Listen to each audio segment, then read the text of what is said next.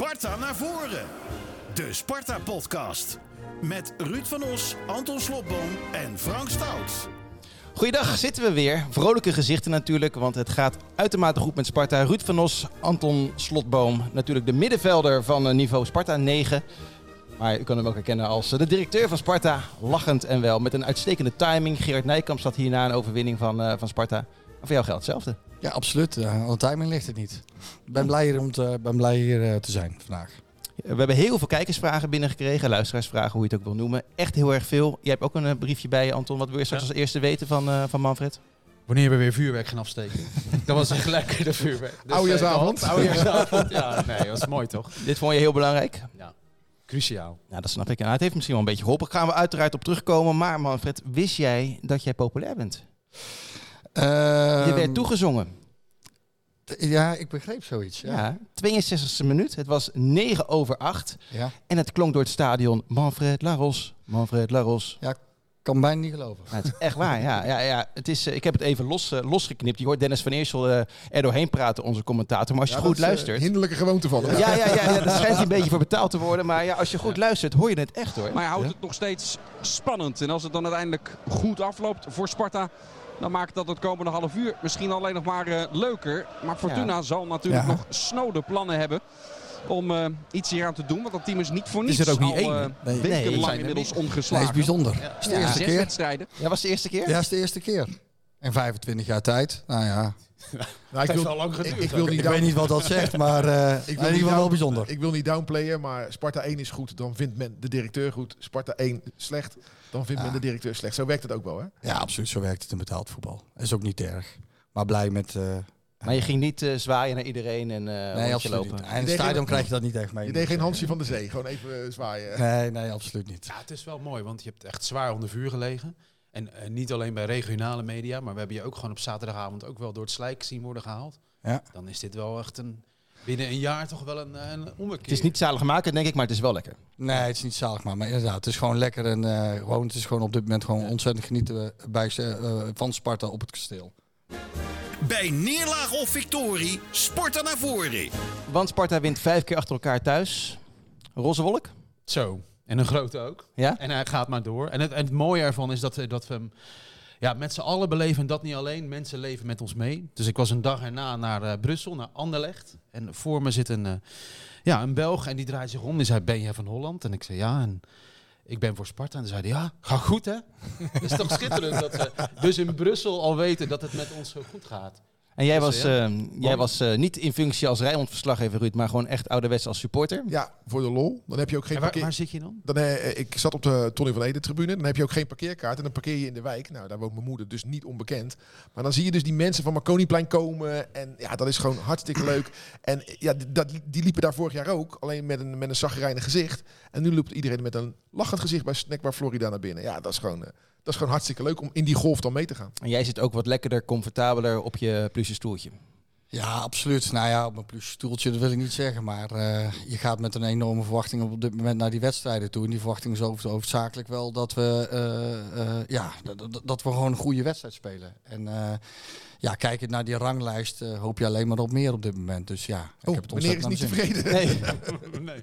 nou ja, dat was ook al een vraag. Ja, even, even een vraag. Joh, het draaiboek, joh, eh, kunnen we lekker over, overboord gooien. Er was een vraag binnengekomen, ik weet niet meer van wie, maar eh, Manchester United, volgend jaar Europa League, spelen dan wel gewoon op het eigen kasteel? Oh, ja.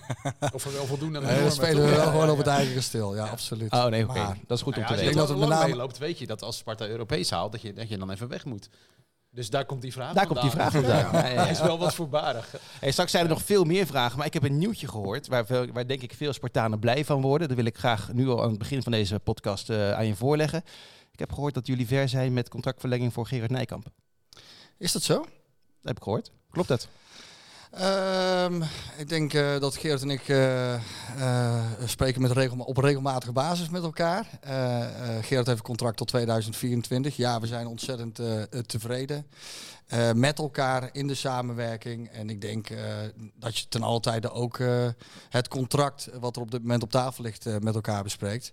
Dus is het echt op dit moment on topic? Eh, nee, dat is het niet. Maar het wordt wel besproken. Kijk, Zo, ik moet even nadenken wat ik met dit antwoord moet nu. het is niet, ja. eh, het is niet on topic, maar het wordt wel besproken. Hoe, eh, hoe gaan we dit interpreteren? Ja, dat ze samen in een restaurant zitten en dan eh, ergens bij de gang drie toch even praten over de toekomst. Ja. Maar goed, Gerrit was hier, Ja. Gerrit Nijkamp, die zag het wel zitten om langer bij Sparta te blijven, en, volgens en dat mij. verwijt ik hem niet, maar er zijn diverse grote clubs in Nederland op zoek naar Ja. een TD. Daar is hij wel eerlijk En over. daar was hij wel eerlijk over, over Ja. zijn ambities. Ja, dus moet je haast maken. Daar zijn we ook heel realistisch in. En nogmaals, ik denk dat we heel erg tevreden zijn. En eh, ik denk dat Gerard eh, de intentie heeft om eh, langer bij Sparta te blijven. Hij heeft het naar zijn zin. En wij hebben die intentie ook. Overigens, eh, over Gerard gesproken. De tranen van Gerard in de documentaire hè, over Remontada, op zijn Spartaans, die waren wel mooi. Alleen die gingen natuurlijk over een andere club. Hij moest huilen omdat Zwolle degradeerde. bij Nou nee, het- hij worstelde met zijn gevoel, denk ik. wel mooi? Zijn, zijn huidige werkgever, waar hij het uitstekend naar zijn zin heeft, doet het hartstikke goed. En bleef erin. En, en een van zijn Ja. grote liefdes, Zwolle, ging er ten koste van zijn huidige liefde uit. Ja, ik kan me voorstellen dat die mix is, van eh, emoties je raakt. Ik vond het mooi. Ik vond het echt mooi. Ja, dat was het mooiste stukje van, eh, van de documentaire, denk ik. Zeker. Eh, de jaarcijfers. Daar, Ja. ben je, daar ben je natuurlijk uitermate tevreden mee, denk ik. Kijk wat daar ligt. ja, ja, even voor de mensen die, die zitten te kijken. Dit is een heel dik boekwerk. Kijk hoeveel pagina's is het genummerd. Is dat nou te koop in de 95. fanshop? Of Het ziet, er, ziet er netjes uit, maar eventjes voor de mensen die het niet hebben meegekregen, moet ik even de, goed, de cijfers goed zeggen. Het eigen vermogen is toegenomen naar 6 miljoen euro. Het spelersbudget is gestegen naar 5,2 miljoen euro. 2 ton erbij. Eh, extra door de verkoop van vijf spelers. Vier eigen jeugd. We zaten gisteren te puzzelen, Ruud en ik. Wie zijn nou eh, die vier jeugdspelers? We weten allemaal, Okoye is natuurlijk verkocht. Haroui, Duarte en Mega. En we hebben het net van jou gehoord. We waren hem helemaal vergeten. Zeg het zelf maar. Bradley van der Hoeven. Waren we Absoluut. vergeten. Voor een mooi bedragje ook, hè? Ja, die waren we vergeten. Daarom. Ja, maar even- Ben je tevreden? Ja, ik ben absoluut tevreden. En waarom? Ja, waarom? Omdat we, we hebben een, eh, een eh, zoals je juist eh, zelf al zegt, we hebben een positief resultaat behaald van eh 3,5 miljoen euro na belastingen. Voor belastingen 4,5 miljoen euro. Daardoor neemt je vermogenspositie toe naar, naar 6 miljoen euro. En dat zorgt er gewoon voor dat Sparta steeds, ja, hoe noem je dat, steeds dikker wordt, steeds zelfstandiger wordt. eventuele tegenslagen kan opvangen. En ik denk dat het belangrijk is in de verdere ontwikkeling van onze club. En waar ligt Ja. het grootste pijnpunt om dit soort cijfers te realiseren? En waar ligt misschien ook wel het grootste gevaar in de toekomst? Ehm, nou ja, dat is eigenlijk eh, hetgeen wat we ook eh, eh, elk jaar weer aan de voorkant communiceren naar elkaar. of naar onze supporters toe. Dat is dat we elk jaar op min, eh, 2, min 2,5 miljoen euro beginnen. Dus er ligt elk jaar voor ons de uitdaging om dat tekort linksom of rechtsom terug te brengen. En daar ligt het pijnpunt. Daar moeten we ook aan gaan werken. We moeten ervoor gaan zorg dragen dat die start aan het begin van het seizoen... in plaats van min 2,5 dat die naar min 1 gaat. Of naar nul. Ja, dat is de ideale situatie. Maar ik denk van min 2,5 naar min 1. eh, dat is al een hele, hele grote stap. Die, eh, eh, ik zeg niet moeilijk te maken is. Maar waar nog wel het een en ander voor moet gebeuren om dat te realiseren. Als we een jaar teruggaan, toen communiceerden jullie vaak dat het over min 2 gaat. Nu over min 2,6. Betekent dat jullie 6 ton meer risico nemen? Eh, ja, da- daar komt het uiteindelijk wel op neer. En dat is met name gedreven door de kostenstijgingen die je op dit moment ziet. Want die min 2,6 eh, waar zojuist aan gerefereerd wordt, dan hebben we het met name over dit seizoen. Hè, vorig seizoen zijn we met min 2 gestart. Dit seizoen gaat het naar min 2,6. Maar dat heeft met name te maken met de toename van allerlei andere kosten. Energie en zo. Ja, waaronder. Ja. Nou, Salaris dat, ook. Dat is een bedrag dat gaat stijgen dan. Dat bedrag, nou ja, dat goed. moet dan omhoog. Nou, De uiteindelijk moet, kosten nemen gigantisch toe. Ja, maar uiteindelijk moeten de inkomsten van Sparta Ja. natuurlijk gewoon omhoog. En daarnaast moeten we natuurlijk scherp blijven met elkaar om te zorg dragen dat we uiteindelijk ook transferresultaten eh, met elkaar eh, behalen. Want dat is belangrijk om uiteindelijk ook weer elk seizoen een oplossing te vinden. En dat betekent niet dat je elk seizoen moet verkopen. Maar gedurende een aantal seizoenen moet je uiteindelijk wel transferresultaat maken. Ja, ik, ik schrok net wel, want je hebt het over het transferresultaat wat je nodig hebt om bijvoorbeeld de selectie te kunnen versterken. Maar jij vertelde net ook dat de energiekosten op het kasteel per jaar met 3,5 ton zijn gestegen. Ja. Zo, dat, vind ik echt, 78 procent. dat vind ik een bedrag zeg. Ja, dat is echt Ja. bizar. Ja, en dan Ja. hebben we het over de energiekosten. Maar ik kan zo nog wel een aantal kosten noemen Ja. die enorm aan het stijgen zijn. En ja, beveiligingskosten van het stadion. Dat staat er ook in eh, cijfers. Flink gestegen. Ik las het, de personeelskosten algemeen op wedstrijddagen. Ja. Ja, ehm, eh, Ja. je ziet aan alle kanten algemeen, per- dan moet je met name natuurlijk ook denken aan eh, het personeel bijvoorbeeld in de horeca. Al dat soort eh, eh, eh, eh, ja, uurloon, daar gaat het uiteindelijk altijd over. Die zijn op dit moment enorm aan het stijgen. Dus Maar- ja, dat, dat werkt allemaal door. Alles is gestegen, dus je neemt meer risico. Het spelersbudget is, is gestegen. Ja. Dit zijn natuurlijk allemaal zaken waar de vorige TD, moeten we niet te lang op gaan teruggrijpen, maar ik wil het nu even doen. Jullie wel verweet, neem meer risico alsjeblieft, dan kan ik meer. Dat deden jullie toen niet, dat doen jullie nu wel. Nou, weet je, dit risico wordt niet gedreven door aan de voorkant in één keer excessief meer eh, spelersbudget uit te gaan geven. We hebben met elkaar de afspraak gemaakt dat we eh, het spelersbudget elk jaar met 3 ton laten stijgen. Het eerste seizoen 1920 4,1, 4,4, 4,7. 5 miljoen euro het seizoen eh 22 2023. Maar de stijging die we op dit moment nemen, eh, de, stijging die je op dit moment ziet, is geen eh, risiconeming in de zin van dat is een bewuste keuze. Het overkomt ons in die zin dat er op dit moment gewoon allerlei kostenstijgingen eh, eh, in de maatschappij zijn en waar we gewoon eh, mee te maken hebben. Dus dat is een andere verklaring dat we aan de voorkant bewust eh, meer geld gaan uitgeven. Nee, dit overkomt ons en daar spelen we op in. Maar desondanks zien we nog steeds dat die kosten aanzienlijk stijgen. Mag ik dit onderwerpje afsluiten, het terugkijken, door te vragen hoe is je relatie met Henk van Stee op dit moment?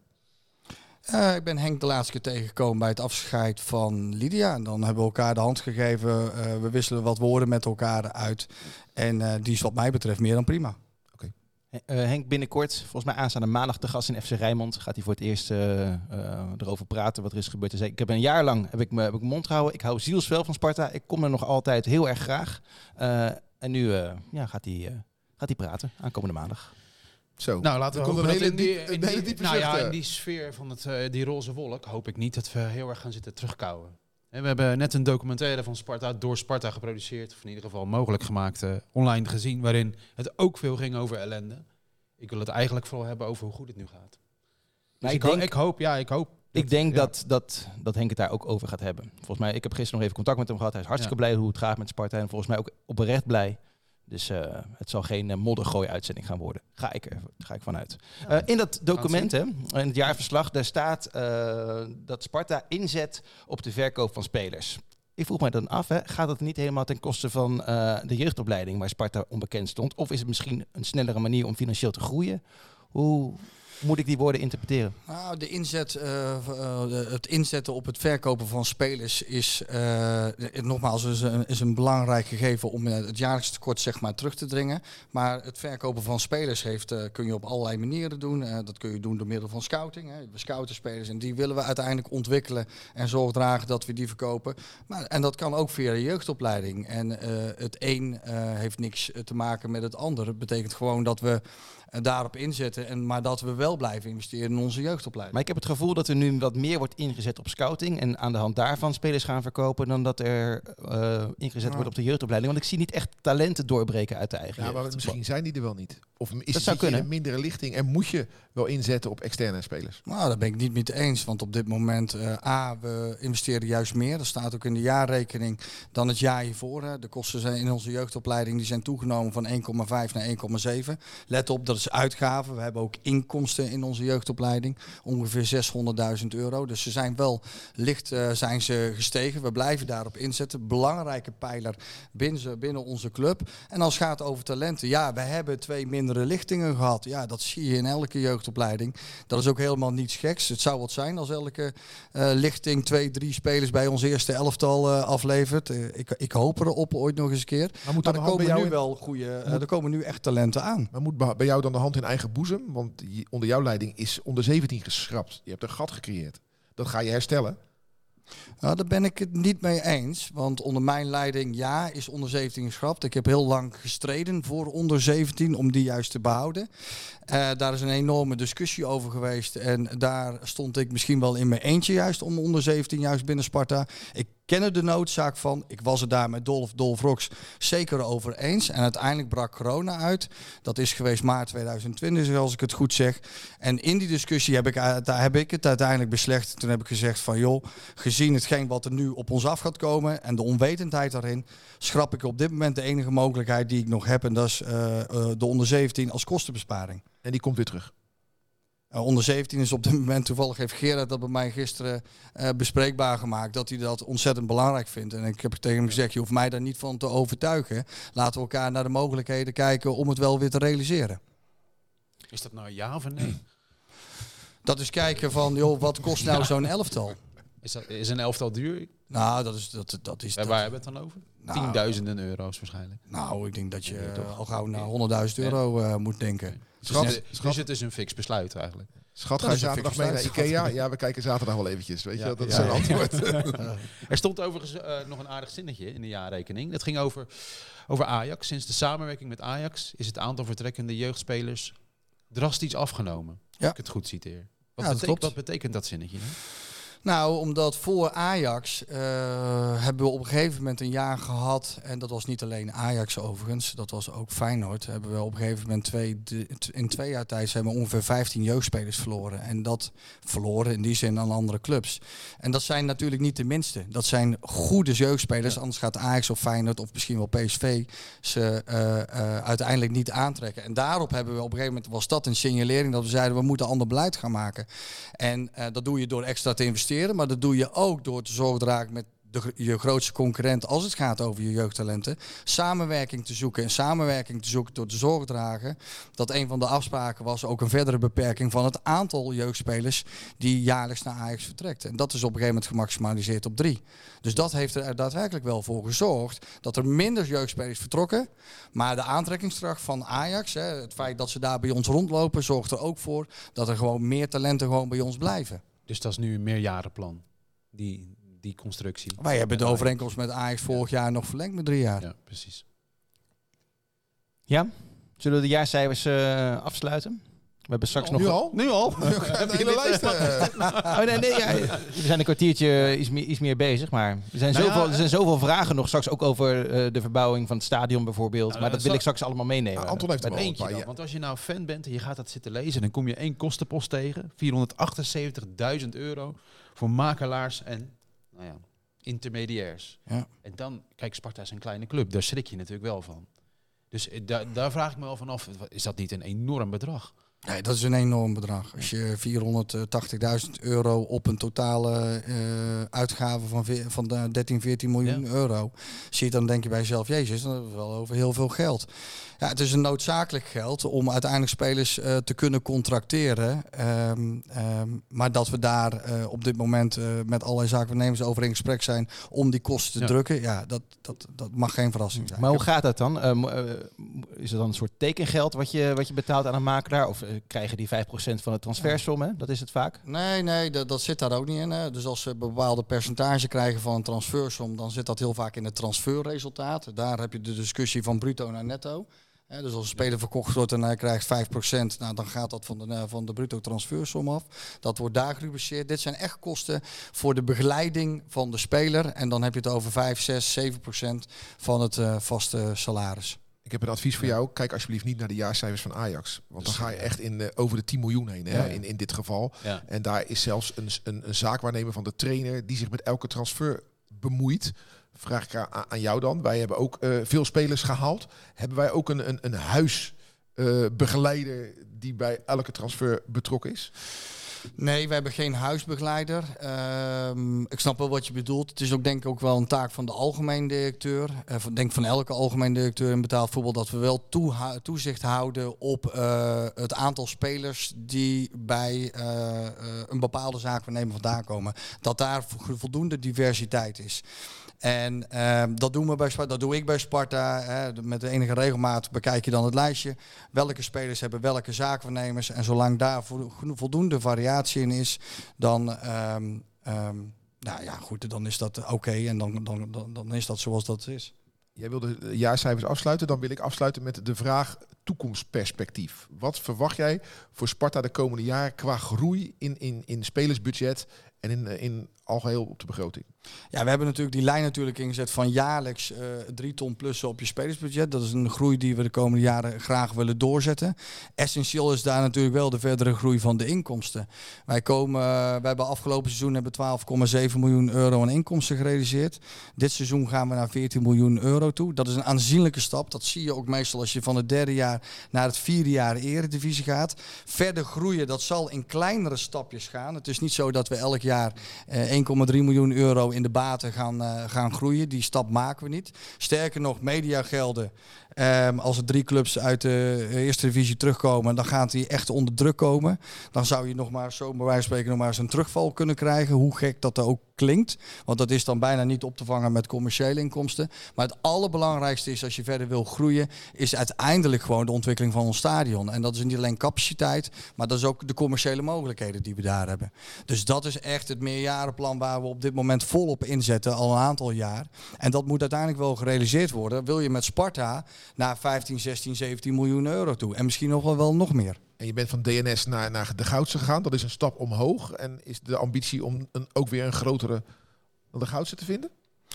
Ja, ik denk op het moment als je, je. Kijk, op het moment als het contract met de Goudse af gaat lopen, uiteindelijk, dan ga je uiteindelijk altijd met je huidige partner weer in, uh, in gesprek. En dan hoop je het te openbreken tegen andere voorwaarden. Ik denk dat dat, dat, dat altijd de eerste intentie is. Maar als dat, uh, als dat niet strookt met elkaar, ja, dan moet je ook de vrijheid hebben om te kijken naar andere partijen. Maar dat is op dit moment, uh, gezien het feit dat we net de Goudse hebben afgesloten, nog niet op tien. Straks veel meer over de stadionplannen en dergelijke. Nu eerst naar de wedstrijd. De gewonnen wedstrijd tegen Fortuna dat de klink op Radio Rijnmond als volgt. Dat is met de voorzet, kopbal, goal! Het is daar Arno Verschuren. Die de bal die opeens voorkomt vanaf de linkerkant van Mijnans. Die een uitstekende voorzet geeft. Met zo'n heerlijke knik de verre hoek instuurt. Een bekeken kopbal van Arno Verschuren. Laat het kasteel juichen. Het is 1-1. Saito dreigt de voorzet te geven vanaf links. Houdt zich in, geeft de bal er toch voor. Terug met 1. Dit is toch een penalty scheidsrechter. Ja, strafschop voor Sparta. In minuut 54. Van Krooi. Zijn aanloop. En de goal! Scheelde weinig. 2-1 Sparta. Keeper zit er nog aan met een hand. Maar Van Krooi raakt hem hard genoeg om toch te scoren. Sparta staat voor. 2-1. En dan staan er veel lange spelers die kunnen koppen. Daar gaat de bal. Er wordt ook gekopt. Ja, ja! Lach je nou? Langer, De 3-1. Dennis kan ook echt wel juichen voor Sparta. Ja, zo, ja, ja. het is even wennen weer voor Ja, maar hij heeft een keer de Sparta-podcast gepresenteerd in jouw afwezigheid. en toen heeft hij ook verteld over zijn Sparta-verleden. En daar is helemaal niks mis mee. Nee. Heb jij ook het fragment van uh, Maurice Stijn Nee. die tekeer ging? eh? Nee, maar ik heb het wel in het draaiboekje staan, ja. dat is wel smakelijk, hè? Ja, Nou, dat wilde ik eigenlijk aan jou vragen.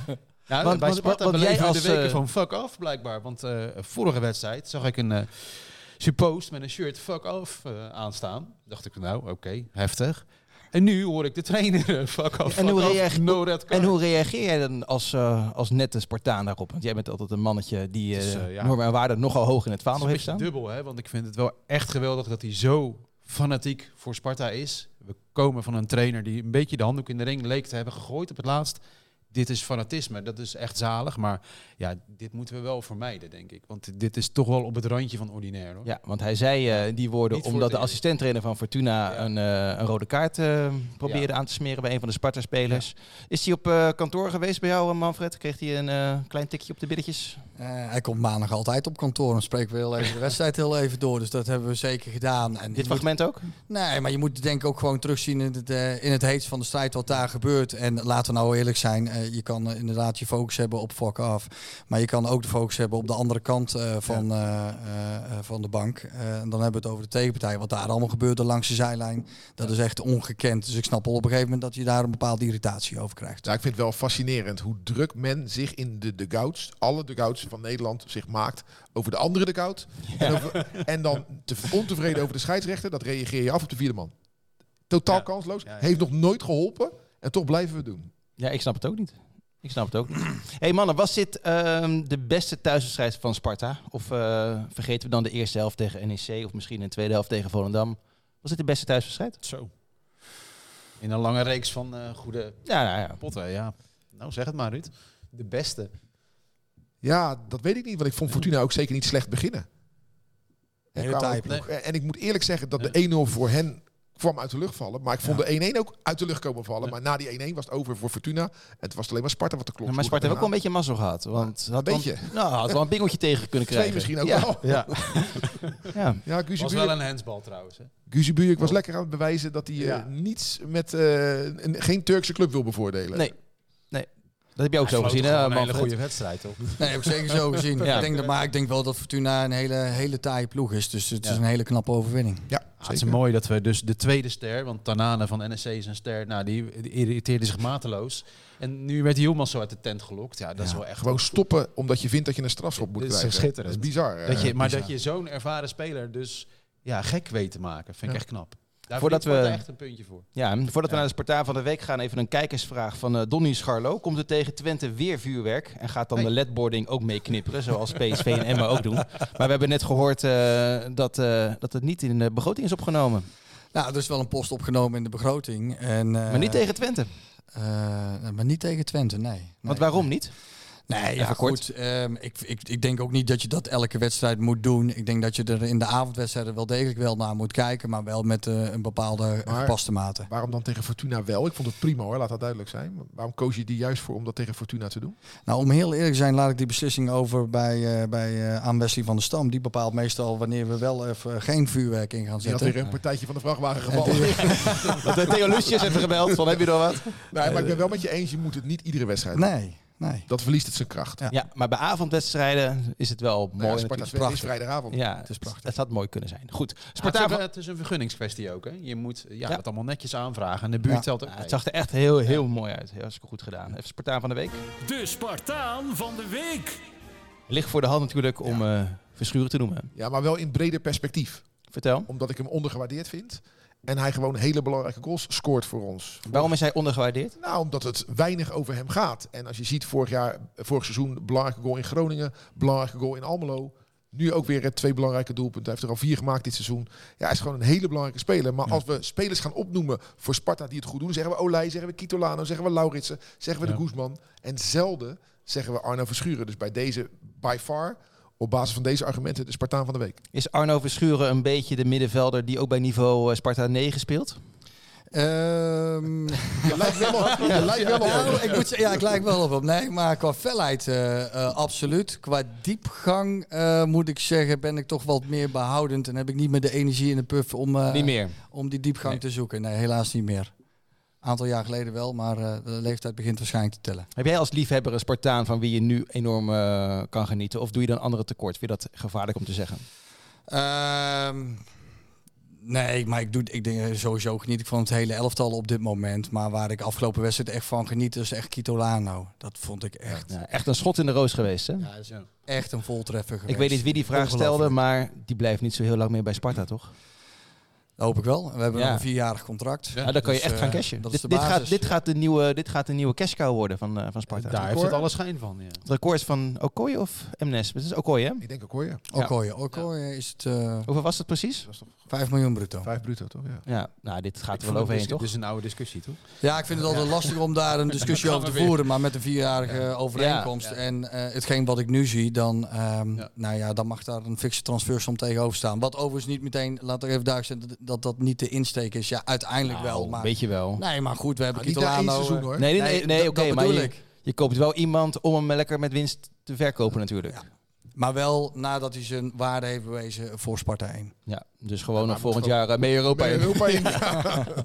Ehm, even kijken. Is... Klopt dat nou af, Sparta? Sparta van de Ja. week zijn we klaar. Nee hoor, nee, nee, nee, nee, nee helemaal niet. Kunnen we Helemaal niet niet. afspreken dat dat Europa gewoon... Ja, dat moeten we echt niet meer doen, toch? Ja, ga jij echt ongeluk. ga jij even voor de Dennis Neville- even af. even voor de Dennis Neville tribune staan en zeggen, "Sst, niet zingen, niet Ja, zingen. Blijf nou kalm. Als je misschien een shirtje uitdoet en dan eh, we hebben het even mee. laat Ja, zien. precies. Ja. Ja, met brede Dan, dan Nou, luisteren ze wel. Nou, ik wil dat toch wel zeggen, want eh, Anton heeft wel gelijk. Laten we wel met, eh, met elkaar met de benen op de grond blijven staan. Ik kreeg eh, na afloop van de wedstrijd kreeg ik nog een fotootje nog door van Willem- de positie van eh, Willem II vorig jaar. Lijkt gewoon dat die 18 punten hadden na 10 wedstrijden. Nou, we weten met z'n allen hoe dat is afgelopen. Ja, dan zie ik dat precies. bij Sparta niet gebeuren. Maar het is zet ook wel, wel weer Ja. aan denken. De doelstelling blijft nog steeds bovenaan in het rechte rijtje. Ja, dat is de sportieve doelstelling die we met elkaar hebben afgesproken. En eh, aan het einde van de transferwindow, dan zijn we ook eh, de helft van de competitie voorbij. Is ook de afspraak dat we dat intern nog gaan eh, evalueren. Je hebt die bonusregeling hè, van als je voor niet degraderen. Vorig jaar heb je daar spelers voor betaald, las ik. Dat doe je dan dit jaar weer. Dus als Sparta niet degradeert, halen, krijgen de spelers een bonus dan. Ja, voor behoud van het divisieschap. Ja, precies. Ja, dat klopt. Dus op een moment, we, dat is, lo- ja, wij maken collectieve en individuele prestatieafspraken met de spelers, spelersgroep. En op het moment als wij in de eredivisie blijven, dan eh, ontvangt in de collectiviteit ontvangt de hele spelersgroep een, eh, een, Nou, een en is, en is linkerrijtje ook, eh, ook Ja. iets? Dat heeft een eh, bepaalde trap in zich. Dus hoe hoger Ja? ze eindigen, eh, eh, hoe groter Ja. die bonus is. het zou mooi zijn, dat, dan is Sparta echt een grote club aan het worden als die bonus voor niet degraderen niet meer bestaat. Ja. Ben ik Want ik neem eens. aan dat de spelers van Ajax die bonus niet te krijgen. Nee, die krijgen ze niet. Die krijgen niet maar één bonus. En dat is waarschijnlijk het kampioenschap. Ja, precies, ja. Heb jij nog een Spartaan van de week, Anton? Ik vond het interview dat eh, Bart Vriends na afloop gaf heel erg sterk. Dus Bart Vriends maakte natuurlijk gewoon hands. En hij kreeg dat te zien op beelden en hij gaf dat ook gewoon toe. En hij werd Ja, een beetje rood van... Ja, maar hij werd heel leuk rood Altijd van verlegenheid. Ja. Ja. maar het is toch mooi. Je moet alles geven, maar daarna moet je ja, wel gewoon realistisch en leuk doen over voetbal. En vooral niet te zwaar. Dus ik vond dat echt een mooi interview. Gaan Time for we, gaan we Nick Olij in Oranje een themaatje maken in deze podcast? Zeggen Europa jullie- in oranje. Nee, gaan we, als je zegt nee, dan gaan we lekker door. Nee joh. Nee, nog niet. Nee, er zit een WK aan te komen. Hij zit niet eh, bij de voorselectie. En dat begrijp ik ook, want de keepers die erbij zitten zijn hartstikke goed. Dus laten we dat Hoe, lekker... eh, Even wachten. Oh, met ons feestje, eh, met het WK-feestje? Hoe is het daarmee? Gaan we dat nog doen? Ehm, ja, jij bedoelt via Sparta Events. Ja. Ja, via Sparta Events. Kijk, eh, we- zijn anderhalve maand ligt het stadion stil. Er zijn geen inkomsten in. Ehm, eh, ik ken de hele discussie natuurlijk over het WK in Qatar. Daar is geen enkel misverstand over, laat dat duidelijk zijn. Aan de andere kant denk ik wel dat als het gaat over een statement maken, dat dat op een ander niveau moet gebeuren. En dat we dat niet met via Sparta Events moeten doen. Dus het gaat door. Nou ja, goed. Via Ja, Sparta Events heeft de mogelijkheid om daar eh, eh, op in te spelen op het WK. Zoals vele eh horeca-aangelegenheden. Maar dat zo kan je toch alles recht lullen wat krom is. Eh, dan kun je toch alles organiseren en zeggen... ja, het is niet aan ons om dat statement te maken. Aan wie is het dan wel? Eh, om dit statement te maken is denk ik denk dat dat met name ligt bij de bond, eh, bij eh, misschien wel eh, eh, misschien wel de FIFA. Dus Sparta maakt geen statement, eigenlijk. Wij maken eh, Ze wel die band gedragen. Ja, eh, inderdaad, sorry. Ja, had nou wel ja, in mijn mond. We hebben wel degelijk ja. wel een statement gemaakt als club zijnde. We dragen eh, de band waar je het zojuist over hebt. Ja, Die Top, dragen Os, we. Top Os maakt wel een statement. Gaat iedereen Ja. lachen. Haha, Top Os. Maar die zoeken de connectie met Ja. Amnesty International. Ah, Eén protest tegen wat daar in Qatar gaat plaatsvinden. Vind ik wel wat laat. Eén maand voor het toernooi. Terwijl we al twaalf jaar weten dat het toernooi daar naartoe gaat. Ik vind dat nu iedereen wakker wordt. Had wel wat eerder gemogen. Want als je dat had gedaan voordat de eerste spade de grond in was gegaan. Dan had je nog iets kunnen bewerkstelligen. Je Dat kijkt moeilijk, meer. Manfred. Nee, dat is, ik denk dat Topos eh, eh, voor de troepen loopt. Want eh, Amnesty International en de Eredivisie, dan wel eh, de KNVB, die zijn met elkaar in gesprek om te kijken naar een gezamenlijk initiatief. Maar dat geldt dan ook voor wel lekker laat. Weet je al twaalf Ja, dat jaar? weet ik niet. Ik weet niet hoe lang. Nee, dat snap ik wel. Als je het in die tijd wel wegzet. Maar ik weet niet hoe lang de gesprekken daar al over lopen. En was je teleurgesteld in de KNVB dat toen ze besloten om in de laatste speelronde voor de WK niet eh, collectief met die band eh, te spelen? Ehm, ja, vind ik lastig. Dus het is natuurlijk een hele hoop ophef. En ik vind de reactie die er uiteindelijk uitkomt. eh, ik had voor een andere reactie eh, gekozen. Ik had eh, dat initiatief gewoon laten staan. Maar goed, ehm, ja, nogmaals, het is een besluit in dit geval van de, van, van de bond. Wij hadden, als dat initiatief er nog was geweest, hadden wij gewoon de band gewoon gedragen. Zoals we dat ook de afgelopen wedstrijd hebben gedaan. Tijd voor de post. Wat zit er in die gleuf? Tijd voor de post. Heel veel vragen over het stadion. Eh, ik heb ze onderverdeeld eh, in stadionvragen, spelersvragen en algemene vragen. Ja, we gaan... eh, je had eigenlijk zo'n pot moeten maken waarin er nog steeds eentje uit. ja, maar ik probeer een klein beetje chronologie in te brengen. En ik vind het ook leuk, denk ik, oh, mensen vinden het leuk Het als is ook eens we... leuk dat je dat doet. Zullen wij even koffie gaan we hebben een, een half uur ongeveer nog deze podcast. Dus ik probeer er ook een beetje is in rap tempo doorheen te gaan. Stef van Winden en Joaquin op Facebook die vragen. En heel veel andere mensen hebben het ook gevraagd, Manfred. Is Sparta Ja. nog bezig met uitbreiding van het stadion? Hoe ziet u dat voor zich? Gaat het dan om zogenaamde field seats? Kortom, kan je iets, meer over vertellen?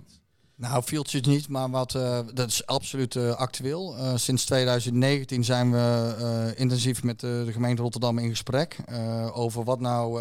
we willen naar iets toe, we willen naar uitbreiding toe. Niet, niet alleen capaciteit, maar ook hoofdgebouw. Daar hadden we het juist heel even over, hè, om die inkomsten echt substantieel te laten groeien. Ehm, eh, daar zijn, zijn we over in gesprek. Uit die uitkomst daarvan is dat we inmiddels weten dat de gemeente Rotterdam, die wil heel graag, maar er moet wel een bepaald maatschappelijk nut zijn om eh, Sparta eh, te kunnen helpen. Zoals dat bij Te Bregge ook was. Te Bregge is dat de breedte sport geweest.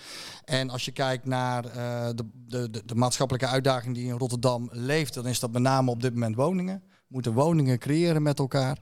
En ehm, dus we zijn met de gemeente Rotterdam in gesprek en een aantal andere partijen proberen een consortium te sluiten om uiteindelijk tot gebiedsontwikkeling te komen. En die gebiedsontwikkeling die reikt dan ongeveer, want daar moet je dan naar kijken, naar het park, eh, het Kruifkoord en heel P1. Als je daar iets in ontwikkeling zou kunnen eh, eh, betekenen voor de stad, dan zijn er zeker, zeker mogelijkheden om vervolgens te kijken naar de wensen die Sparta heeft.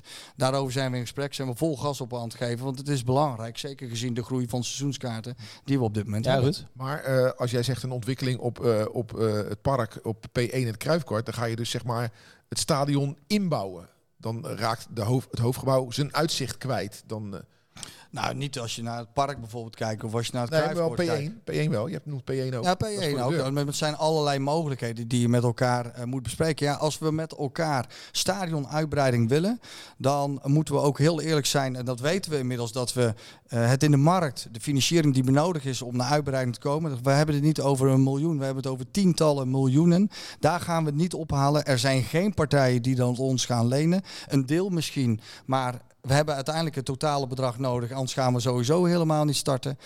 Eh, ja, dan zul je naar allerlei mogelijkheden moeten kijken. En dat zijn de mogelijkheden die er op dit moment zijn. En, eh, en P5, daar kan je niet wonen, want dat is pal naast een spoorbaan. Maar Nou, eh, tegenwoordig bouwen ze daar ook. hoor. Ja, een bedrijvenontwikkeling, dat, gaat, dat ligt buiten de scope. Dat ligt buiten de scope, omdat P5 en het hele gebied wat daarachter ligt, dat is een, een dermate grote ontwikkeling waar ze nog te weinig zicht op hebben. Ja. Vanwege de grootte van dit gebied juist, wat men daar nou precies wil. En als je, het, als je kijkt naar onze plannen, eh, die wij graag gerealiseerd willen hebben, zul je het gewoon dichter bij huis moeten zoeken. En als je kijkt naar dat gebied om ons stadion heen, dan is dat redelijk al gevormd terrein. Ja, het park Maar zie ik wel voor me dat er huizen komen. Ja. Dat, dat, is, dat is wel een, een inkopper. Maar het is niet ons terrein, natuurlijk.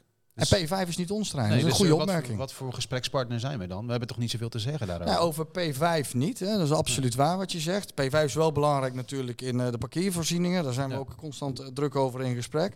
Maar als het gaat over die ontwikkelingen rondom ons stadion, zijn we dat wel. Want als Sparta tegenstander wordt, dan wordt het heel lastig om iets te gaan realiseren Ja. daar. Dus de gemeente heeft daarin eh, Sparta nodig. Ja. Misschien, dat, misschien komt er een station? Metro, trein?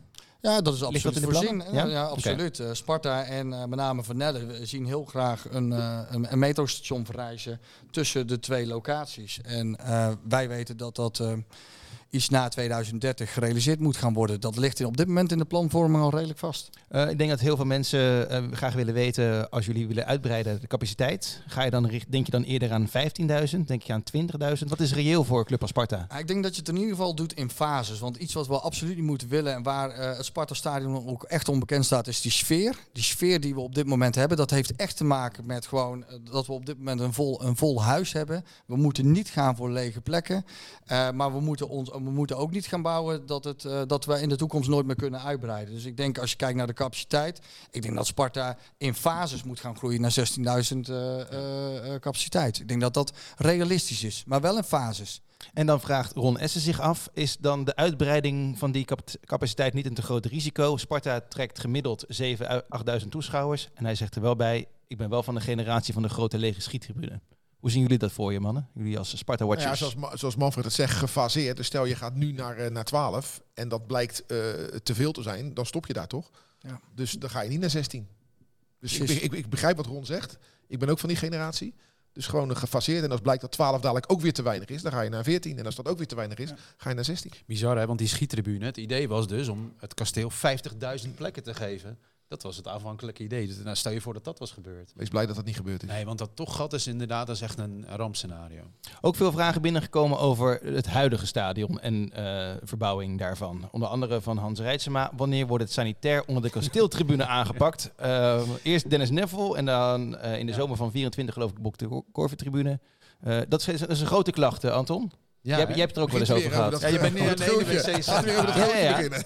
Maar kennelijk is het Die, belangrijk. Die, eh, berichten die volgen zich nu toch heel snel op over verbeteringen en verbouwingen. Ja, ik word daar Maar wel blij van, maar daar, dat is inderdaad een tribune met, eh, met, eh, ja, met de heertjes. En daar moet je ook eh, voor zorgen natuurlijk. en dat, wordt, dat Ja. staat op de planning ook, eh, Manfred. Of weet je dat niet uit je hoofd? Nee, dat weet ik zeker uit mijn hoofd. Ja, weet je, ehm, kijk, die hele verbouwing die we op dit moment realiseren, dat start ergens. Hè. Je moet in eerste instantie eigenaar worden van, eh, van je stadion. En eh, in 2008 bereikten ons al eh, de eerste signalen. En met name vanuit het jaarlijks fanonderzoek. Daar zijn we, heel veel Spartanen reageren erop. En daar doen we heel erg veel mee. Dat is ook echt wel leidend in het verbeteren van faciliteiten binnen ons Sparta-stadion. Dan wel beleid bijvoorbeeld voor horeca-punten die we in ons stadion hebben. Maar daaruit kwam al dat we eh, daarin veranderingen moesten doorvoeren in horecapunten, toiletvoorzieningen, et cetera. Nou, dan begint het met het kopen van het stadion, want je kan wel willen verbouwen, maar als de ruimtes niet voor jou zijn, ga je even, ga je even nooit verbouwen. Dat zijn de eerste stappen die we hebben doorlopen. Dan word je eigenaar. Dan moet je gewoon heel simpel gezegd gewoon heel even geld met elkaar gaan sparen. Dat hebben we, hebben we nu gedaan. En vervolgens ga je keuzes maken, ga je prioriteiten leggen. En als het gaat over de toiletvoorzieningen, over eh, op dit moment op de Dennis Neville tribune, daar hebben we onze meeste seizoenskaarthouders op dit moment zitten. Niet alleen toiletvoorzieningen, maar ook uitbreiding van een verkooppunt. En heel vaak. Dat hoor ik wel eens om me heen. Dan hebben mensen de- het idee dat eh, een dergelijke verbouwing 10.000 of 20 of 30.000 euro kost. Het gaat over tonnen. En dan heb ik het niet over twee ton, dan heb ik het daar nog een veelvoud van. Dat gaat over serieus geld. En Dennis Neville is één. Daarna gaan we kijken naar de, eh, naar de Bok de Korver. En als de Bok de Korver is opgelost, gaat daarna aan bod komen eh, de Tony van der Ede en de Kasteeltribune. Dat is de volgorde die we met elkaar eh, hebben afgesproken. En in de tussentijd, dat hebben we afgelopen maandag hebben we dat aangekondigd, gaan we ook nog eens een keer kijken naar de ingangen van ons stadion. Het ziet er niet uit, het past niet, met- het past niet bij onze club. Het past niet bij onze club. Familieclub, je moet door een normaal poortje naar binnen komen. Met normale tourniquets erachter. Half hoog, niet die manshoge met prikkels erboven. Halen we allemaal weg. Is ook beleid. Is niet zomaar ad hoc beleid, niet snap beleid. Dat hebben we ook gehaald uit fanonderzoeken. En daar spelen we op in. En dat zijn ook flinke Dan investeringen. krijg je toch hele open hoeken, dus hoe ga je dat dan? Nee, er komen gewoon poorten. Sla je toch een poort voor? Ja, dan zet je gewoon een poorten voor. Maar er komen kleinere poorten met daarachter Ja. lagere tourniquets. Gewoon heel publieksvriendelijk naar binnen lopen. Ja. Even een, eh, een sidestep die eh, ook eh, bijdraagt aan de publieksvriendelijkheid. Het niveau van de catering. Want daar hebben wij natuurlijk eh, in grap iedere week over. Maar het is wel een serieuze klacht. Ja, maar die serieuze klacht, en ik doe niet alles af, hè, Ruud, laat het meteen duidelijk zijn. Ik maakte dus zojuist over een onderwerp zo'n opmerking, maar ik doe hem daarmee zeker niet af. Maar die klacht die kennen we al heel lang. Ehm, ik kan teruggaan naar de tijd van Koebrugge. Herinnert iedereen zich dat nog? Ja, toen eh, waren de klachten niet te overzien. Dat was het zo'n grote berg. Daar zijn we mee gestart. En ook daarin beleid maken. We hebben in eerste instantie de publiekskatering tot ons genomen. We hebben Brasserie Stil Spangen hebben we opgericht. Daarna hebben we uiteindelijk via Sparta, eh, via Sparta Events hebben we licht, eh, levenslichten ingeblazen. Meer controle over het stadion. Werken aan de verkooppunten. In eerste instantie waren lange, de lange rijen waren een probleem. Dan ga je met snelheid, met personeel, beter instrueren. Snellere pinautomaten. Wat eenmaal bekers heeft te maken met snelheid. Ja. We doen er alles aan om die rijen te verkorten. En dan is nu krijgen we andere opmerkingen. Gaan we ook naar kijken. Hebben we een enquête over uitgezegd. En gaan we terugkoppeling opgeven. Catering is een groot aandachtspunt. Maar als je het vergelijkt met 15 jaar geleden. Dan zul je zeggen, ja dat is alles een makkelijke vergelijking. Hebben we gigantische stappen gemaakt. Zag Echt ik- gigantische Zag stappen. ik nou een min staan in de jaarrekening bij de Sparta Horeca van 30.000? of zo? De deelneming, ja. Ja. De deelneming, maar dat is logisch. We hebben eh, via Sparta Events dus een nieuwe deelneming. Mhm. De samenvoeging van alle horeca in ons stadion, zodat we daar als club zijnde ook meer invloed op hebben. Mhm. Twintig jaar geleden bouwden we elk stadion en zeiden we, wie wil cateraar worden? Bijdrage leveren, want dan kunnen we ons stadion bouwen. En dan zijn we er voor 20 jaar vanaf. Daar kiezen we niet voor. We hebben alle horeca in één BV eh, gebracht. Vorig seizoen, 1 juli 2021, Mhm. zijn eerste jaar. En het eerste jaar heb je altijd Ja. eh, eh, verlies, aanloopverlies. Die BV die is van eh 0 personen of 0 FTE, is die gegroeid naar 19 FTE. Dat begint een serieuze BV te worden. En dan mag je aanverloopverlies hebben van 30.000 euro. Daar ben ik hartstikke blij mee. Maar zolang je de catering nog niet op orde hebt, is het een idee om een gebaar te maken richting je fans en bepaalde prijzen iets wat te verlagen? Ja, ehm, wij gaan op dit moment kijken. Het is een, eh, een klacht die ik ook voorbij heb zien komen in eh, de enquête die we hebben uitgevoerd. We hebben nu nog twee wedstrijden te gaan, eh Ruud. En we gaan in de winststop gaan we serieus al die klachten bekijken. En we gaan kijken wat we kunnen doen. Ik wil nog één klacht uh, meenemen. Uh, ja, lekker blokkie, ik heb nog lekker meer. Ja, ja, ja maar Manfred zit hier. Niet alleen uh, hè, in voor- en tegenspoed heb ik wel eens in, een clubliedje voorbij horen komen. Daan en vele anderen hebben gevraagd: Is het bij jullie bekend dat de speakers zo slecht zijn? Jack Kriek, de stadionspeaker, is niet te verstaan. Ik zie Ruto knikken. Ik weet dat het een klacht ook is van Anton. In Business Streets schijnt hij wel goed te horen te zijn. Maar ja, dan krijg je weer het euvel dat de mars niet tegelijkertijd wordt gezongen. Nou, is het bekend? Nou, het is zeker bekend. Het is niet zo dat bij de business seats dat we daar nou betere of andere uh, boxen hebben hangen. Dat is absoluut niet waar. Er hangen overal dezelfde boxen. De geluids... Wat wordt eraan gedaan? Nee, maar de geluidsapparatuur is absoluut een aandachtspunt. Maar dan hebben we het over prioritering. En als ik moet kiezen, en we hebben op dit moment gekozen, dan gaan we voor toiletvoorzieningen. Hebben we onze focus hebben we op de horeca. Hebben we onze focus op de ingangen. En geluid is op dit moment een prioriteit die er op dit moment naar achter is geschoven. Dat zijn investeringen niet ook weer. Het gaat niet over 10.000 euro. Wij weten wat het kost. We hebben het al geïnventariseerd. We hebben het over een investering van 400.000, 500.000 euro. Ja, Want daar Klein, hebben een kleine Kitolano dus. Een kleine Kitolano? Ja, Kitolano is iets meer, hè? ja, dat is nee, maar dat is serieus geld. Ja. Nee, maar serieus geld. Het heeft aandacht. Het heeft echt aandacht. Maar nogmaals, in de juiste volgorde. Goed. Tot zover het stadion. Of heb je nog iets aan? Nou, weet je welke naam eigenlijk nooit valt? Dat is de naam van Hans van Hilsbergen. Die is toch nog steeds de baas van het kasteel. Eigenaar van het kasteel. Eigenaar. Maar dat is, natuurlijk dat is het oudste deel van het kasteel. Gaat hij dan mee in ja, de vernieuwingen, de, de renovatie? Gaat hij daar mee? Of? Nou, weet je, Hans van Hilsbergen is eigenaar van het kasteel geworden omdat hij ontzettend trots is op kasteel Spangen. En, uh, en, ontzettend begaan is natuurlijk met Sparta. Heeft uh, in het verleden het aangekocht. Heeft daar echt voor een gigantisch bedrag uh, geïnvesteerd. Niet alleen kasteel Spangen, maar ook nog eens een keer de hele brasserie heeft hij gerealiseerd. Ehm, wij hebben afspraken gemaakt over toekomstig gebruik. Uh, als het gaat over kasteelspangen en die ruimte eronder. En als er iemand met die trotsheid die jij heeft. En ik spreek Hans denk ik wel toch wel zeker één keer per week. Want dan komt hij altijd nog in mijn kamer binnenlopen. En dan drinken we een uur, anderhalf uur al even koffie. Dan uh, heeft hij altijd plannen met verbeteringen aan het kasteel, aan de muren. Er gaat nu weer uh, wat verbetering komen aan de buitenkant, een renovatie. Daar is hij mee bezig. Dus dat wordt echt meegenomen. Hij wordt heel erg oud nu worden we allemaal op een gegeven moment. Maar laat hij het aan Sparta na? Wat is zijn... Nee, wij hebben afspraken gemaakt. Maar dit gaat over een dermate investering die hij daar heeft gedaan. Dat je dat niet zomaar na kan laten. Zo werkt dat. Als we het over die tribune hebben, de kasteeltribune. Daar zit onder de Bosselaar. Nou, dat zal met wedstrijd, uh, wedstrijddagen nog wel gebruikt worden. Daar liggen prachtige kleedkamers. Die worden volgens mij dus nu niet meer gebruikt. Omdat er geen kunstgras is. En er dus niet meer door andere teams getraind wordt. De brasserie is er, uh, je, je, je, wil niveau hebben, maar als dat niveau ervoor zorgt dat je dat niet kan invullen en die brasserie al jaren leeg staat, is het een idee om daar, ik noem maar wat, een, een, een berenrestaurant in te zetten, zodat in ieder geval leven in de brouwerij. Ja, ja, die gaat wel voor kwaliteit hoor. Nee, nee, Kunnen we niet een park Heuvel doen dan? nee, maar het, het, het, is geen slechte, uh, zeker geen slechte opmerking die Ruud maakt als het gaat over de brasserie. De Boslaar heeft inmiddels een andere bestemming gekregen. Op het moment toen we de Boslaar realiseerden, dan wisten we, we wisten op dat moment dat we ooit eens een keer terug zouden gaan naar natuurgras en dat die Bosselaar uiteindelijk terug uh, leeg zou komen staan. Die staat niet leeg, want inmiddels heeft het een nieuwe bewoner. En dat is de betrokken Spartaan. Daar hebben we grote plannen mee. Moet naar een ander niveau toe, een hoger niveau toe. Uh, de eerste stap is in, uh, uh, intreden in die bosselaar. Die gaan we nog verbouwen. We gaan een leercentrum maken. Gaat echt een goede invulling krijgen, ook voor de wijk. Ook nog eens een keer in combinatie kleedkamers, die jij zojuist aanhaalt, met het kruifkort wat daar hebben. We hebben een leuk initiatief met walking voetbal. En als je gaat over de brasserie, ja, dat is absoluut een aandachtspunt. Daar heb je zeker een goed punt.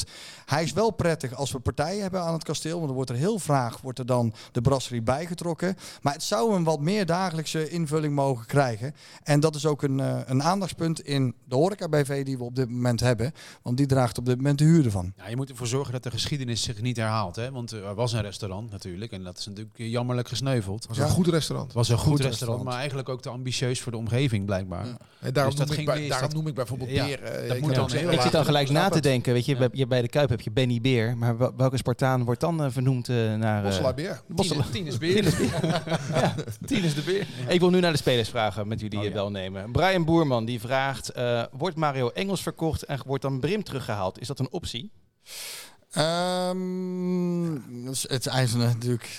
Als Volgens mij, Manfred volgens mij is is, hij- mag ik zeggen, als Manfred slim is, zegt hij, moet je bij Gerard zijn. Ja, weet ik, maar dat- je- dat- je- je redt zou me te makkelijk Het is zijn. geen aandachtspunt, maar we hebben het er wel over. Nee, maar eh, ik, ik, wou, ik wou ook zeggen, volgens mij zat hier afgelopen week of afgelopen keer zat hier Gerard. Nee, wat ik daarvan kan zeggen is denk dat eh, we hebben Tobias Laurensen natuurlijk gehaald als eerste spits. Zijn aan de zomer zijn er gesprekken geweest met Mario over zijn kansen. Eh, er is uiteindelijk met elkaar besloten dat hij blijft. Hij heeft op dit moment te weinig gespeeld.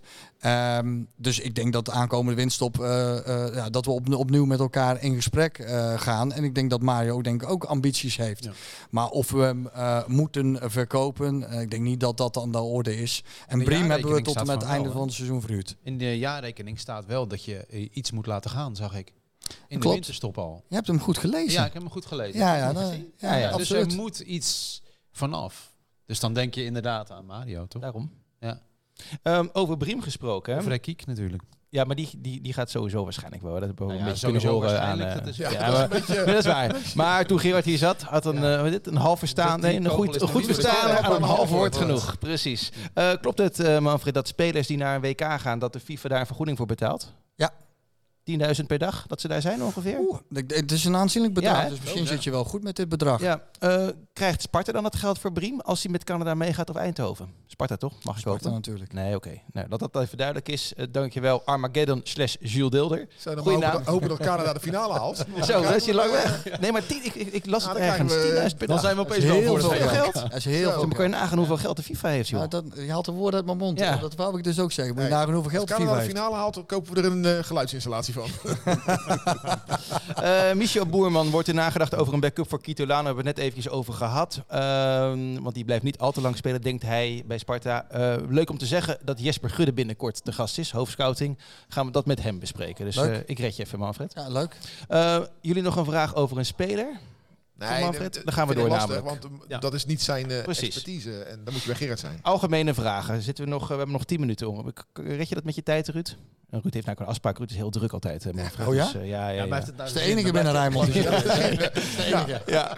Eh, wat ik zelf... Kijk, vorige week hadden we hier Robert de Boek eh, zitten. En wat ik, ik echt een topgast. Had je goed geregeld. Wat echt een leuke vent. Eh, en die, die vertelde dat hij jou regelmatig mailtjes eh, stuurt. En hij stuurde ook een mailtje met... joh, dat zullen we afscheid nemen van, eh, van Henk Vrezer. Wat doe je daar nou mee met dat soort mailtjes? Luister je ook echt naar hem of doe je alsof? Nee, nou ja, goed. Doe wel. Ik lees ze wel natuurlijk. En ik, het is niet zo dat ik elk mailtje nou beantwoord. Maar weet je, wel, ik vind ook wel dat je met enige regelmaat heus wel mag beantwoorden. Dus ik heb Robert ook wel een aantal keer eh, eh, van eh, antwoord voorzien. En als het gaat over de betreffende mail die hij bedoelt of die hij heeft omschreven, die heb ik inderdaad ontvangen. Maar die heb ik pas na dat weekend pas beantwoord. Dus ik denk, laat ik dat heel even nu niet doen. Goeie vraag van Jeffrey Bakker. Ben je een voorstander van een kleinere eredivisie? Of misschien wel zelfs van een Beneliga? Nee, daar ben ik absoluut geen voorstander van. Waarom niet? Absoluut niet. Nou, omdat het belangrijk is voor een bepaalde categorie clubs waar wij zelf in zitten. Ik noem dat heel even de middengroep. Of we noemen ons vaak heel, zelf, heel vaak die middengroep. Dat zijn 15, 16 clubs die redelijk gewaagd zijn aan elkaar. Om met grote regelmaat in de eredivisie te spelen. Dat is belangrijk voor de continuïteit van de clubs. Wij weten er alles van. We hebben zes jaar in die eerste divisie gespeeld. Dat was hels. Dus wij zijn absoluut eh, tegenstander van het verkleinen van de eh, eredivisie. En wij zijn helemaal geen voorstander van een Beneliga. Heel goed. Eh, vraag van Pieter. Wanneer gaat Sparta serieus inzetten of serieuzer inzetten op contentcreatie?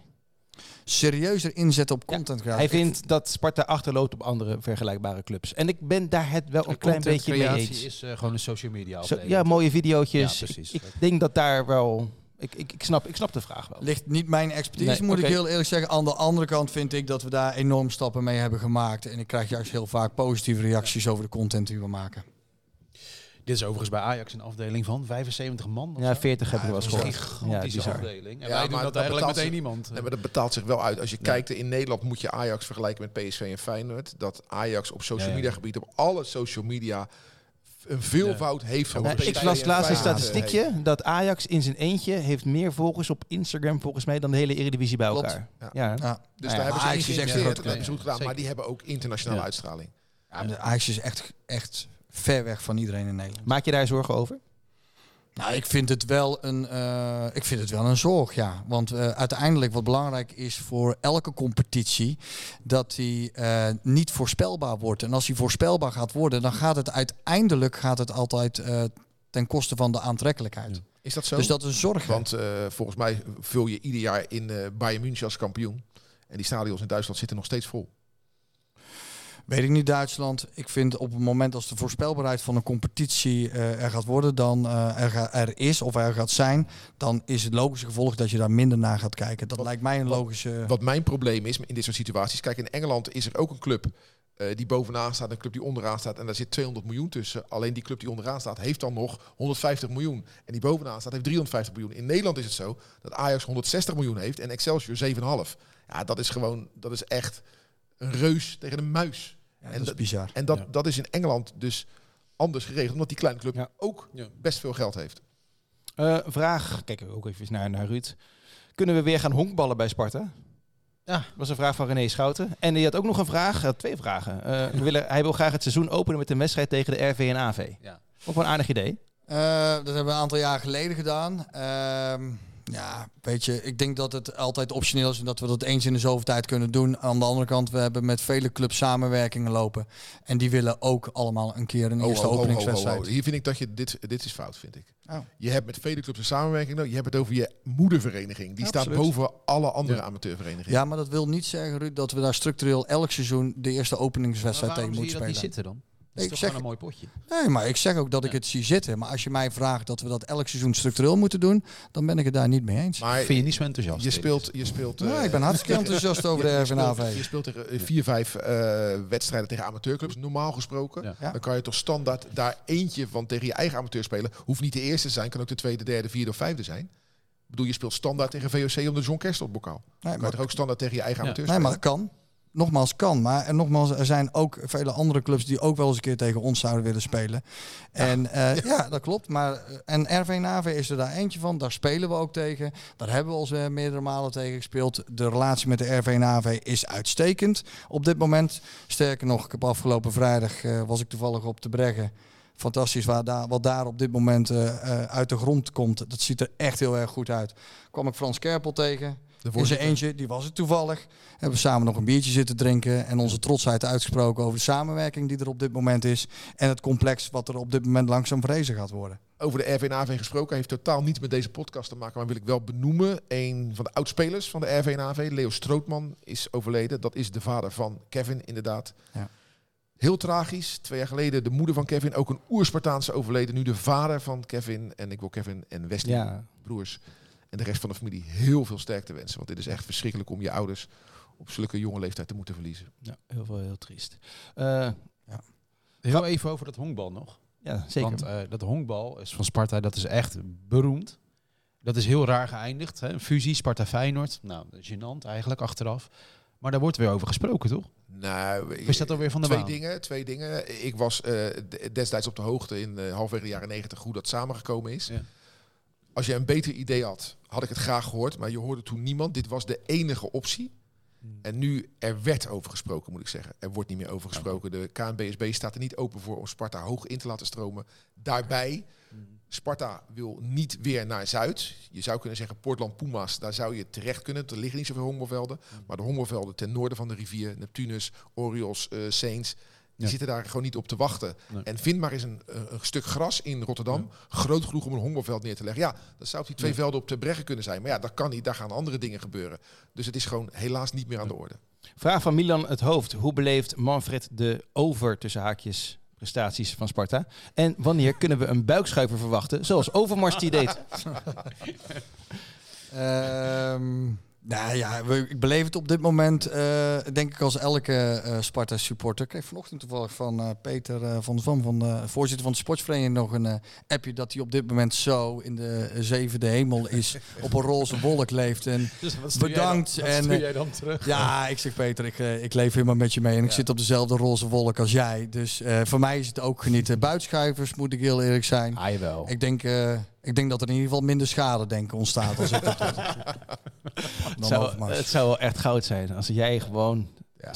Ja. even als we Europees voetbal halen, ga jij een buikschuif ja. maken. Die spreekt ja, ja, ja, ja, ja, ja, ja. ja, ja, Europees voetbal. Hij doet het niet. Nou, daar gaan we het nog over.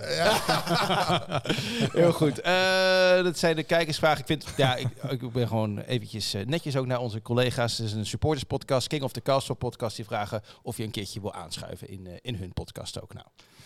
Ehm, Een keertje. Ja, weet je, ik denk dat ik denk belangrijk. Ik vind deze podcast heel erg prettig. Ik denk dat hij ook een goed bereik heeft onder Sparta Zo. supporters. Nou ja, jullie Absoluut. merken het. Ik was Ja, ook bij Sparta. NEC. Niet normaal. Kijk, eh, Sparta is niet zo'n hele grote club, maar deze podcast heeft impact ook door jullie. Daar dank ik je voor. Door Gerard die hier zit, door jij die hier Ja. zit, maar ook door, door Moerad en zo. En, en als ik door het stadion loop, als ik om het stadion loop, het gaat er continu over. Continu. Ah, dat maakt me trots. Ja, superleuk. En eh, eh, er wordt dus blijkbaar in een behoef- behoefte voorzien. Nou, en daar maken jullie nu goed gebruik van door je publiek zo te informeren. Ja. En ik heb nog zelf nog een, eh, eh, een vraag. Jullie gaan heel vaak oefenen eh, tussen eh, zeg maar in die WK-periode. Ja. Twente uit is al bekend, tijdstip nog niet. Maar alles is uit. Waarom? Dat heeft te maken met alle verbouw, eh, verbouwingswerkzaamheden in ons stadion. Ja, Heel goed. makkelijke. Dan kan je ook eh, uitoefenen tegen de eigen amateurs. Volgens mij wordt er alleen geoefend tegen BVO's eh, namelijk. Ik ga je redden. Glazen bol. De glazen bol. Ah, kijk, ik was natuurlijk twee weken niet, dus ik heb alle tijd gehad om even een tussenstandje eh, voor elkaar eh, te krijgen. We gaan het voorspellen. Je, je, je, je kijkt, je luistert natuurlijk. Eh, ik sta bovenaan met 14 punten. Ruud heeft 13 punten en Anton heeft 5 punten. Anton laat normaal gesproken altijd Sparta winnen, maar bij Fortuna voorspelde hij even een 1-1. Dus eh, vandaar dat hij zo eh mijlenver achter staat. Eh, ik ga beginnen. eh, ja, sorry, want ik denk dat het 0-0 mag gaat worden bij Vitesse. Dus er wordt ook niet gescoord. Oh zeg. Ja. Dat wijzen de cijfers toch niet uit. Wacht nou maar af. Ik sta bovenaan, dus eh, een beetje dimmen. Wat denk jij? En draaien voor 0-0. Nou, eh, toen we naar Utrecht gingen, zei ik van tevoren, eh, ik heb een bucketlist en, dat is, en daar staat op winnen bij Utrecht uit. En op die lijst staat ook winnen bij Vitesse uit. Hebben we vorig jaar toch gedaan? was heel zagrijnig. Ja, maar dat was heel raar toch, vorig jaar. Ja. In twee delen, dat is heel frustrerend. Maar nu zou ik heel graag een keer met goed dominant voetbal daar willen winnen. En dat gaan we ook doen. En we winnen met 0-2. Wie maakt de eerste? Saito. Oké. 1-1 van Krooi. Ja, je mag meedoen, Manfred, maar het hoeft niet hoor. Want, eh, Ga met Anton mee. Lauritsen, eerste goal. Oké, heel goed, heel goed. Eh, dan zijn we er eh, ongeveer wel, mannen. Heb jij nog iets op je lijstje voor, voor Manfred, Anton? Ik heb er nog één. Oké, dat mag. We hebben het heel veel gehad over stijgende kosten natuurlijk. Hè? En eh, prijzen voor de seizoenkaarten waren al fix gestegen. Dat, dat wordt echt wel een serieus bedragje nu, zo'n seizoenkaart. Gaan die nou ook fix omhoog? Ze gaan jaarlijks omhoog, fix omhoog. Ja, dat is een interpretatie, maar we, we moeten wel jaarlijks wel stappen maken in, in onze inkomsten. Dat is met aan de sponsorkant is dat, dat is aan de horecakant is dat en dat is ook als het gaat over seizoenskaarten. Dat proberen we in de pas te lopen en zeker niet uit de pas. Amen. We hebben, we hebben nog eh, iets opgestuurd gekregen, maar omwille van de tijd gaan we het daar volgende week over hebben. Ik start het wel alvast in, want het is een zoon van een hele grote Spartaan die iets heeft geremixed van de Sparta-mars. En daar gaan we het volgende week over hebben.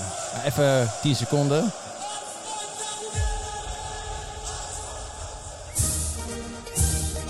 Wat zit je nou nu al moeilijk te kijken? Echt vreselijk.